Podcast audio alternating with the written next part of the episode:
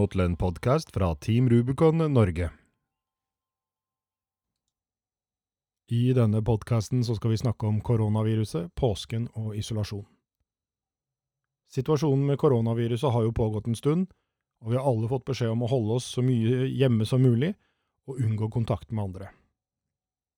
Påsken er jo en veldig tradisjonell høytid i Norge, hvor vi gjerne reiser på påskefjellet, på hytta, Kanskje setter ut båten, samles med familien og har gode selskap, eller gå ut på en kafé eller bare nyter vårsola.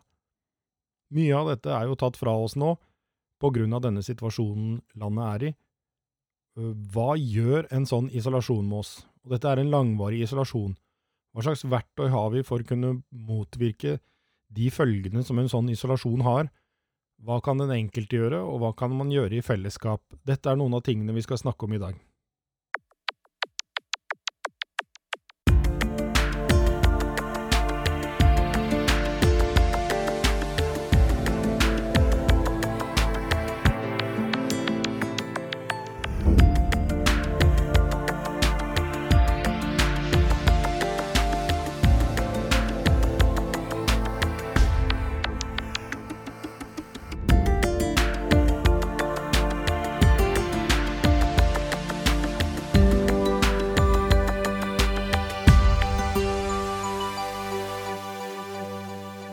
Telefonen har vi med oss Kjersti. Hun er klinisk psykolog med mange års erfaring fra privat praksis, og hun har jobbet eh, mye med veteraner.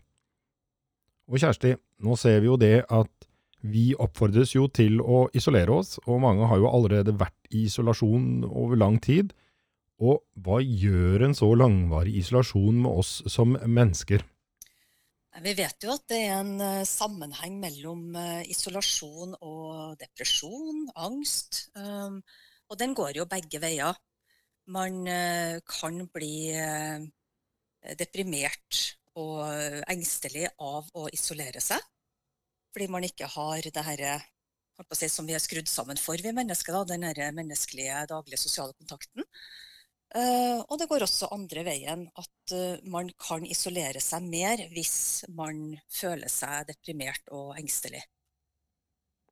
Så um, man kan jo tenke seg at um, den krisa vi går gjennom nå, kan, uh, kan gjøre det mer krevende for, for mange. Nå vet vi jo at en del veteraner, og det gjelder jo selvfølgelig ikke bare veteraner, de sliter jo litt med, med, med senskader etter tjenesten sin. Og det er klart at hvis man har PTSD, så er jo en av eh, grunnreglene i store gåsehøyne der å isolere seg. Hva, hva, gjør en sånn eh, ekstra isolasjon med de som allerede er eh, stengt seg ganske kraftig ute fra samfunnet, tenker du? Ja, Man kan jo se for seg at, at det ikke blir noe bedre av det. Særlig hvis du putter på det her med krigsoverskrifter i, i avisene og og en del eh, triggere i form av eh, nyheter og eh, at ting vi ikke har sett siden andre verdenskrig nå popper opp. Altså, det kan jo trigge alle, med eller uten PTSD. Men det som blir veldig viktig i en sånn situasjon, det er jo det der med å, å ta en telefon til han kompisen som du vet sitter alene det er jo klart det at uh, med uh, krigstyper som du nevner, og det er, det er jo ikke noen mulig, mulighet for å stenge ute koronaviruset. Fordi det er jo absolutt overalt, og du får det faktisk som tekstmelding på mobiltelefonen din. Du får det på alle sider du logger deg inn. Uh, hvordan kan man beskytte seg sjøl mot egentlig litt overinformasjon? Altså, er det noen gode triks for liksom å takle all den informasjonen som, som man får tredd nedover hodet under en sånn krise som vi er inne i? Det ene den her med at uh, det man har fokus på, det har jo en tendens til å vokse. Og, og sånn som det er nå, da, når det liksom blir uh, Hvert uh, eneste dødsfall kan bli slått opp med krigstyper. Det er jo sånn at fryktelig mange mennesker vanligvis dør av influensa i verden, f.eks. Og vi vet jo at nå dør det mange færre av influensa fordi smittetrykket blir så lite. Um, bare for å ta et eksempel på at uh, vi, blåser opp alt som går gærent, og så er det veldig mye annet som vi ikke har fokus på. Så det er litt de her tanketriksene med å uh, ta litt stille stunder for seg selv. Det, det finnes noen uh, apper som vi kan komme mer inn på etterpå. Det er å uh, komme seg ut og gjøre noe hyggelig sammen med noen man setter pris på. Komme seg ut i naturen, for den del, hvis man er alene. Det vil jo uansett være en god motvekt til det å, å sitte hjemme i sofaen. Eh, og det kan være vanskelig å, å, komme seg ut av sofaen, fordi det kan eh, føles lammende. Eh, mange vil føle seg sliten hvis man er litt sånn underaktivert og, og depressiv. Men da er det om å gjøre å ikke bli sittende og gruble, men å faktisk komme seg opp og gjøre noe. Nesten uansett hva man gjør.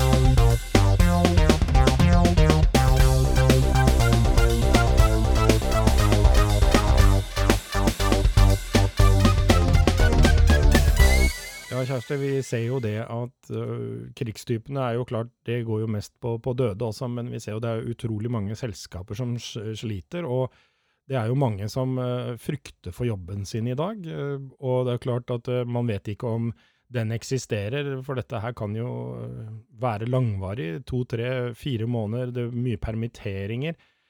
klart at Team Rubicon Norge er jo en veteranbasert organisasjon, men vi har jo også Ca. 30% av organisasjonen er jo såkalt kickass sivile. Eh, mange av de er i helsevesenet, så de er jo i full sving. Er det én ting som er helt sikkert, hvis man er i helsevesenet, så er man ofte ikke arbeidsledig med det første. Men, men hva skal man egentlig si til de, de andre som, som, jobber innenfor hotell og reiseliv spesielt, da, som Norge er så avhengig av? Hva, hva har man liksom for noe trøstens ord å kunne gi de i en sånn situasjon? Ja, du. Um nå er vi jo i en sånn situasjon der uh, uvissheten er så stor, og det gjør jo noe med alle. Mangel på uh, oversikt, det, det, gjør jo folk urolig. Uh, og det er jo den gamle sayinga med å ikke spise elefanten på en gang, men ta den i mindre biter. Og I AA så sier man 'ta en dag av gangen'. Og det tror jeg er et, eh, et, godt tips her. Å ikke ta inn over seg alt som muligens kan gå gærent i, eh, på en gang, for da blir man lett overvelda. Det er, det er, mye som er usikkert, og det skal man ikke stikke under en stol. Men, eh, men mye eh, vil jo også avhjelpes med diverse tiltakspakker. Uh, og det er, hvis man går sånn og grubler, så kan det faktisk være veldig bra å ta opp den telefonen og, og snakke med en klok bestefar eller en uh, venn i samme situasjon som også er engstelig. Det er faktisk det her med å, å, prate med noen i samme båt, det er det, er det mye trøst i. Og så vil det jo bli løsninger på, på mye av dette her etter hvert, men veldig mye ser uklart ut i dag. Så én dag av gangen. Kanskje et fattigmannsråd, men det, det, er i hvert fall noe som eh, kan gjøre at man blir mindre overvelda av det. Ta det i passende porsjoner.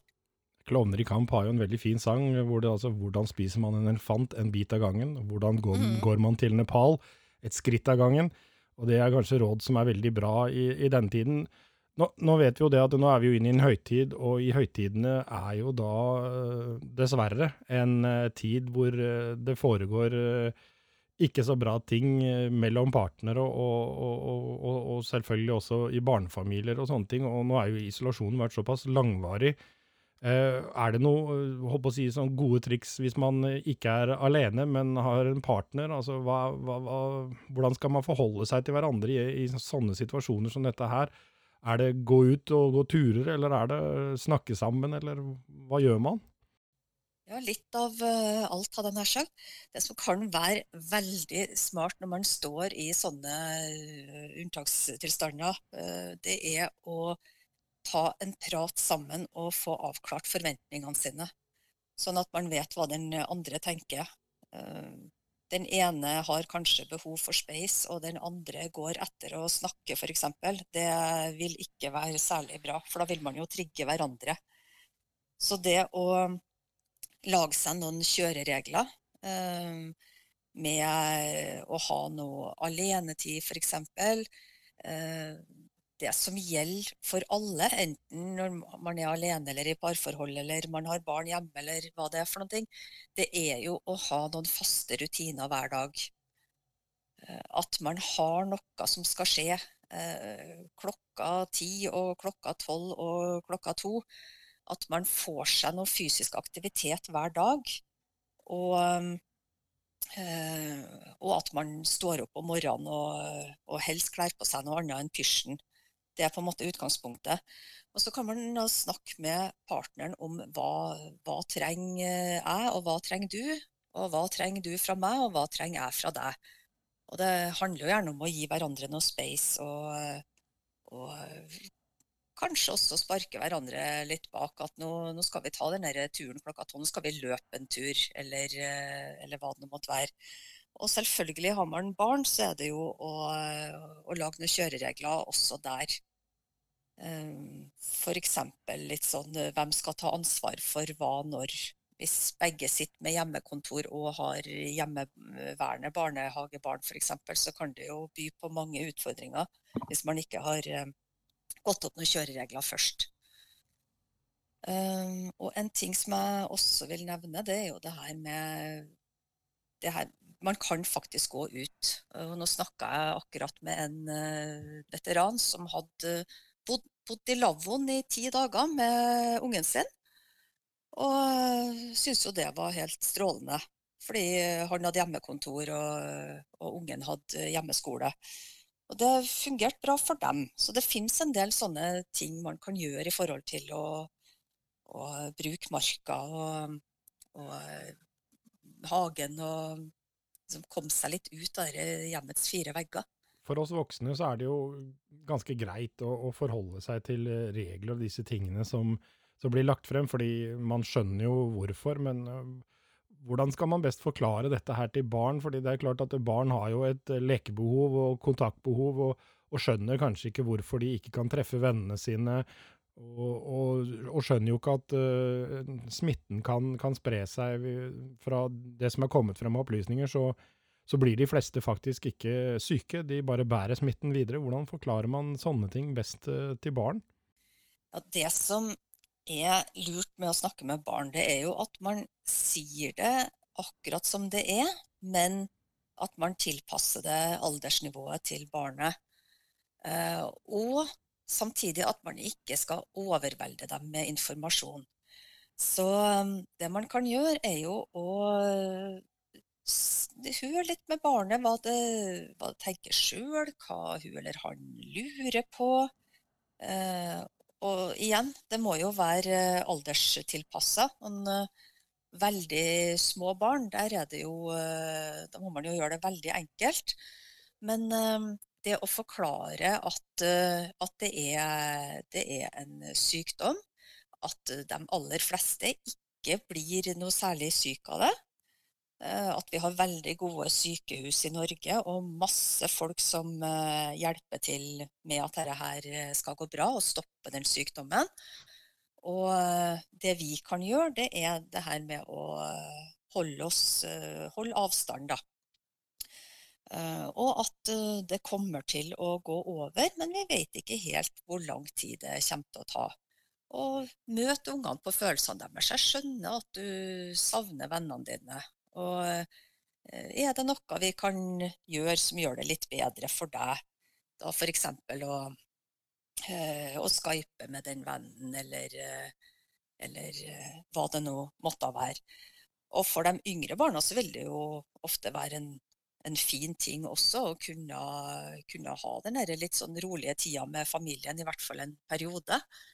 Så det går an å snakke med barnet om det er noe, noe vi kan gjøre for å eh, Altså, kan man sette opp et eh, bordtennisnett på spisebordet på stua?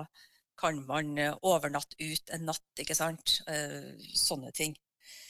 Uh, og så er det greit å understreke for det barnet, særlig mindre barn, at det er ikke selvfølgelig barnet sin skyld herre her. Og det er, det er ikke noe uh, som den ungen skal ta ansvar for, men at, uh, at det er da de voksne sitt ansvar at, at man må da holde seg unna barnehage og skole. og og holde avstand til andre folk og være flink til å vaske hender og sånne ting.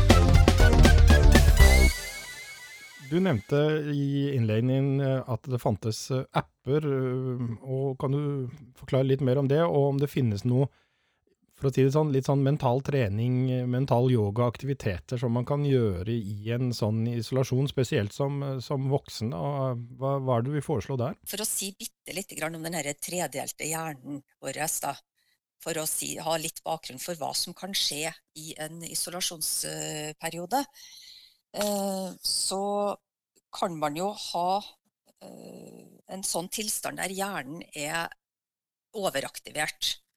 Og det er uh, Jeg bruker alltid fetteren min som eksempel. Han var ute i mange kontingenter, og når han var hjemme, så kjørte han postbil. Og som han sa, han visste jo veldig godt at uh, han var hjemme, men hjernen hans var veldig vant til å være på. fordi det øker jo overlevelse når man er i en krigssone. ikke sant? Men når han da satt og kjørte denne postbilen, så satt han jo hele tida og sjekka alle tak og sjekka speil, og, og veldig, veldig stressa, da. Eh, sånn at uh, hodet hans visste jo godt at han var hjemme og kjørte postbil, men kroppen hans og følelsene hans var ikke helt med på det. Og det her som du sier noe med når det er mange triggere, så kan mange bli litt sånn overaktivert. At det, det, føles som at det er stor fare på ferde, på en måte. Eh, og på samme måte, når, eh, når man kanskje føler seg hjelpeløs eller ikke har kontroll eller man mangler oversikt og sånn, så kan man føle seg eller så kan, man, så kan hjernen bli underaktivert. Så at man gjerne blir matt, uh, nummen, slapp, føler seg lat, tiltaksløs og alt er et ork. Det er også ganske forenlig med det vi kaller brakkesjuke. ikke sant? det er veldig mye lettere å la være å gjøre noe enn å gjøre noen ting. Hvis man eh, merker at man er enten veldig sånn stressa og gira, eller man er veldig tung og matt, så eh, er det en del aktiviteter man kan gjøre for å på en måte regulere seg tilbake til et uh, mer OK aktiveringsnivå igjen. da. Og her kommer, eh, kommer, det inn en del eh, sånne som bl.a. Eh, man kan hente opp i form av de her appene som jeg nevnte innledningsvis. Og en av dem er den appen som kalles Smart. Den er utvikla av RBTS. Og den er en oversettelse av en app som opprinnelig ble utvikla for australske eh, krigsveteraner. Eh, den opprinnelige heter PTSD Coach. Den finnes i flere utgaver, både amerikansk og kanadisk og australsk. Eh, og den norsktalende, der kan man da søke på RVTS Smart. Der er det, da kan man gå inn og klikke på hva det er man strever med akkurat nå, om man føler seg engstelig eller sint eller deppa eller hva det er for noen ting. Og så, når man klikker på det, så vil man få opp forskjellige sånne ringsstrategier som man kan gjøre der og da. Og mye av verre her er jo knytta til pust. Eh, det finnes også egne pusteapper som også er utvikla for veteraner. Den ene heter Tactical Breather. Eh, og den, eh, den går på sånn firkantpusting, skytepusting, som er veldig bra. Og den andre kalles Breathe to Relax, med totall. Altså Breathe to Relax. Og dette er bare eksempler, ellers så finnes det jo et hav av sånne ting på både eh, Spotify og YouTube og, eh, og AppStore på, på eh, forskjellige sånne reguleringsapper. da. Og når det er sagt, så er jo kanskje noe av det mest regulerende man kan gjøre da, for å Eh, for å føle seg mindre engstelig eller, eh, eller eh, tungt til sinns, det er jo trening. Komme seg ut av huset, gå tur, komme seg til et vann eller en skog eller et fjell. Og prate med folk. Ta en telefon. Noe som er veldig regulerende, det er jo å eh, prate med noen som har det vanskeligere enn seg sjøl. Hvis det er noen som eh, trenger litt hjelp og støtte, så føles det jo bedre både for eh, deg sjøl og den andre personen etterpå. Og i det hele tatt, altså selv om det er et ork å ta opp den telefonen, eller å komme seg over den dørstokken, så er det det som funker. Det er liksom en, en jobb som skal gjøres.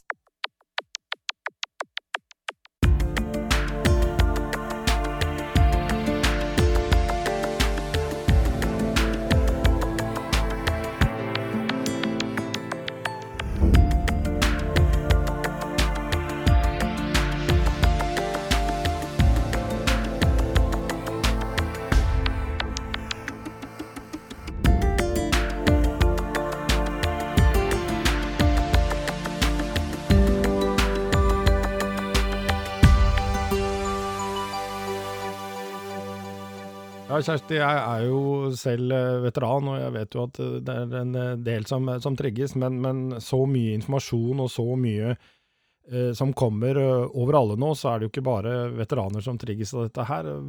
Hva er det man skal gjøre hvis man føler det at nå ramler altså verden i hodet på en, man rett og slett får panikk av den situasjonen man står i? Og det kan jo være det at noen i nærheten har blitt smitta, noen er på sykehus. Altså, hva, hva, er det noen gode triks hvis man ender opp i en situasjon hvor man rett og slett altså, blir livredd for, for, å få tak i hodet? Ja, litt sånn uh, øyeblikkelig førstehjelp for seg sjøl igjen her. Det er jo når den herre alarmhjernen står og fyrer, at uh, hjelp, hjelp, liksom, nå, nå, er jeg i fare, så har vi jo en, si, en gammel reptilhjerne, urhjerne, Eh, som funker som om at da er vi i livsfare, liksom. Det derre stresset, det, eh, det, er hjernen som reagerer for å eh, berge deg på et vis. Så da, da setter den i gang å fyre, og da, da setter adrenalin og kortisol og alt mulig rart. Altså, da settes du i stand til å løpe fort og slå hardt. Og det er jo ikke nødvendigvis veldig hensiktsmessig i den situasjonen her. Men hvis man merker det, øh, og er klar over det, så kan man gjøre noen sånne litt enkle triks med kroppen sin. For hvis man gjør det man vanligvis gjør, da, og, så, og så er man kjempeanspent i musklene, så tenker man hjelp, hjelp, hjelp, nå er jeg i fare, det her kan aldri gå bra. Da sender man signaler tilbake til hjernen om at ja, nå er det veldig farlig her, bare fortsett å fyre. Nå er det skikkelig fare på ferde. Så hvis man er oppmerksom på dette, og at nå blir jeg skikkelig, nå fyrer jeg meg skikkelig opp, og nå, jeg, nå får jeg panikk her Tre stikkord. Det første er pust, og det andre er muskel, og det tredje er trygg. Og så kan man eh, se på hva, hva gjør jeg med musklene mine nå. Jo, jeg har skuldrene over ørene, og jeg er kjempeanspent. Så OK, hva skjer med meg hvis jeg puster og samtidig roer ned her skuldrene mine litt? Og det, det man gjerne liksom opplever, det er jo at man kan påvirke sin egen fysiologi ved at uh, man faktisk begynner å roe seg litt når, når dette her skjer. Og det tredje er jo eh, det med trygg. Det er litt sånn når tankene eh, blir veldig sånn kaotiske, og nå går det galt, da er det gjerne noen sånne eh, gamle ting som blir trigga. Så det å si til seg sjøl at OK, nå, nå ble jeg skikkelig stressa og skikkelig skremt, og f.eks. som du sier da, nå er bestemor på sykehuset, og, og, det er jo ikke noe rart at jeg er redd. Men uh, det, og jeg er ikke i noe umiddelbar fare nå, f.eks.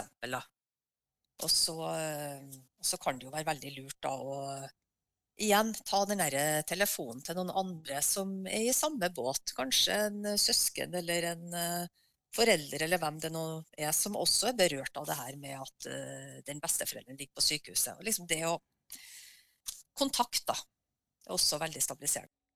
Ja, jeg er jo en veteran selv, Kjersti, og jeg må innrømme at jeg blir eh, trigga av alle disse krigsoverskriftene, og at man hele tiden får mer eller mindre dommedagsprofetier. Underveis her så testa jeg litt av den teknikken din med å puste og slappe av i skuldrene, og det er utrolig hvor kjapt det virker.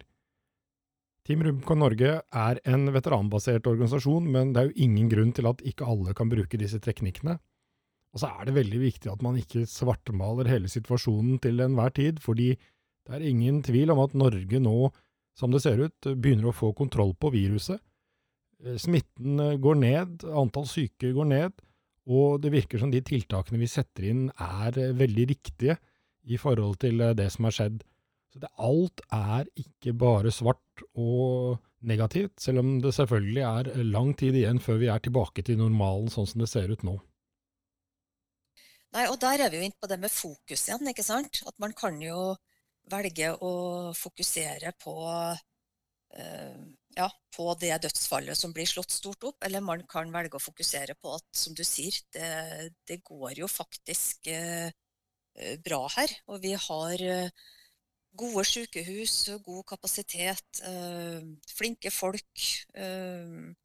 og lite bakterieresistens i norske sykehus, som sannsynligvis er med på å øke overlevelsen. Det er veldig mye positivt man kan fokusere på her.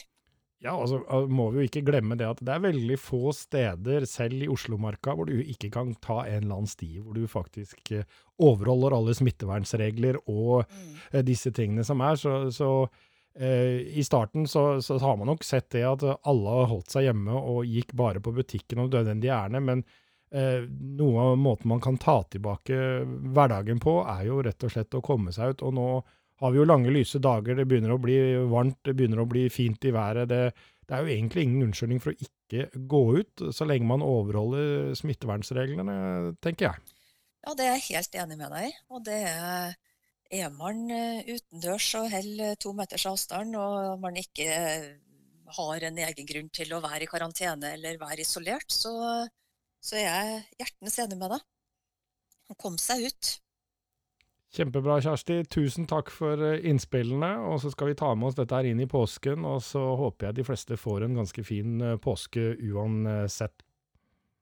Det håper jeg også. Og nå får vi reklame. Musikken i dette innslaget er laget og produsert av Gjøran Dahl, og han kan du høre mer av på Spotify, iTunes og YouTube.